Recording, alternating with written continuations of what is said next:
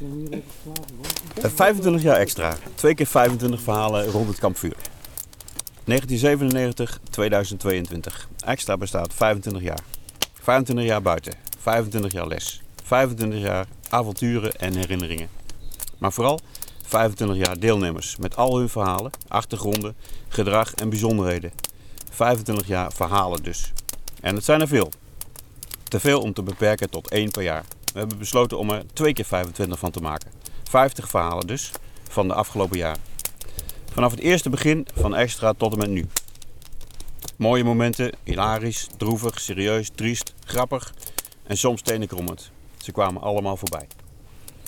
Bijna alle namen heb ik tussen haakjes gezet om de privacy te bewaren.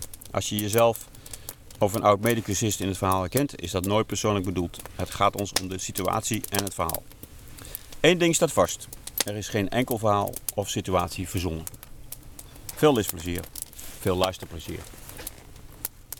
Even korte uitleg eh, vooraf bij wat die cursussen allemaal eh, voorstellen die in de verhalen genoemd worden.